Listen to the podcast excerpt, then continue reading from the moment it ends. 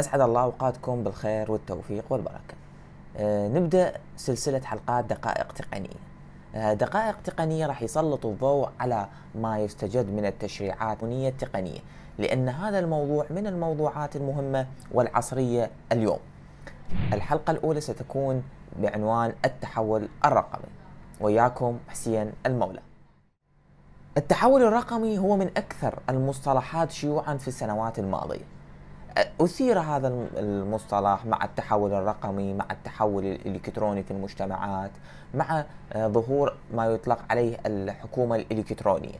هذا الظهور سرع من نشاطات كبيرة لدى المجتمع في أو يعني ظهور مف... يعني مفاهيم حديثة مثل التحول الرقمي، التحول الإلكتروني، الحكومة الإلكترونية، آه وظهر ما يسمى أيضا بالحكومة الذكية التي تقدم جميع الخدمات بصورة رقمية بعيدا كل البعد عن الورق. فهذا المصطلح هو من المصطلحات الحديثة. كشف لنا العديد من الوظائف الجديدة.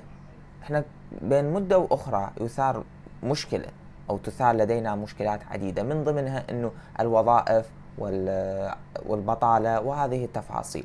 ولكن مع هذا التحول ظهرت وظائف جديدة ما يطلق عليه المستشار الرقمي مدير التحول الرقمي أو إدارة التحول الرقمي وأيضا خبير التحول الرقمي.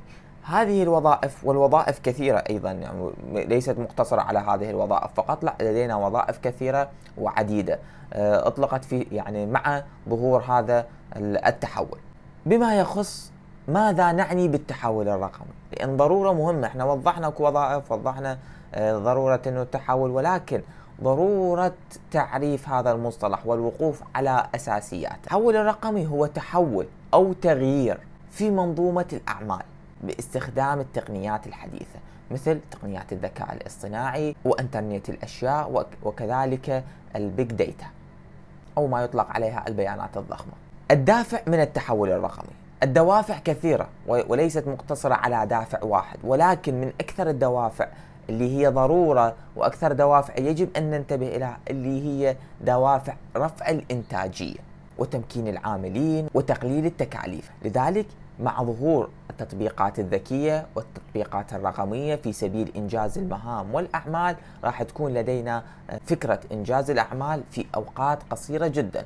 كذلك يوجد لدينا دوافع كثيرة مثل تقليل التكاليف، تنوع مصادر الدخل، مثل إنه نجد إنه شركات عديدة تحولت أو زادت من إنتاجيتها، زادت من تنوع منتجاتها مثل الشركات التقنية وشركات الهواتف النقال.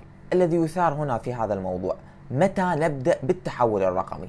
التحول الرقمي لا يوجد وقت محدد للتحول الرقمي، ولكن أكبر فرصة للتحول الرقمي الآن. من الممكن أن نقول لقد بدأنا الأمس.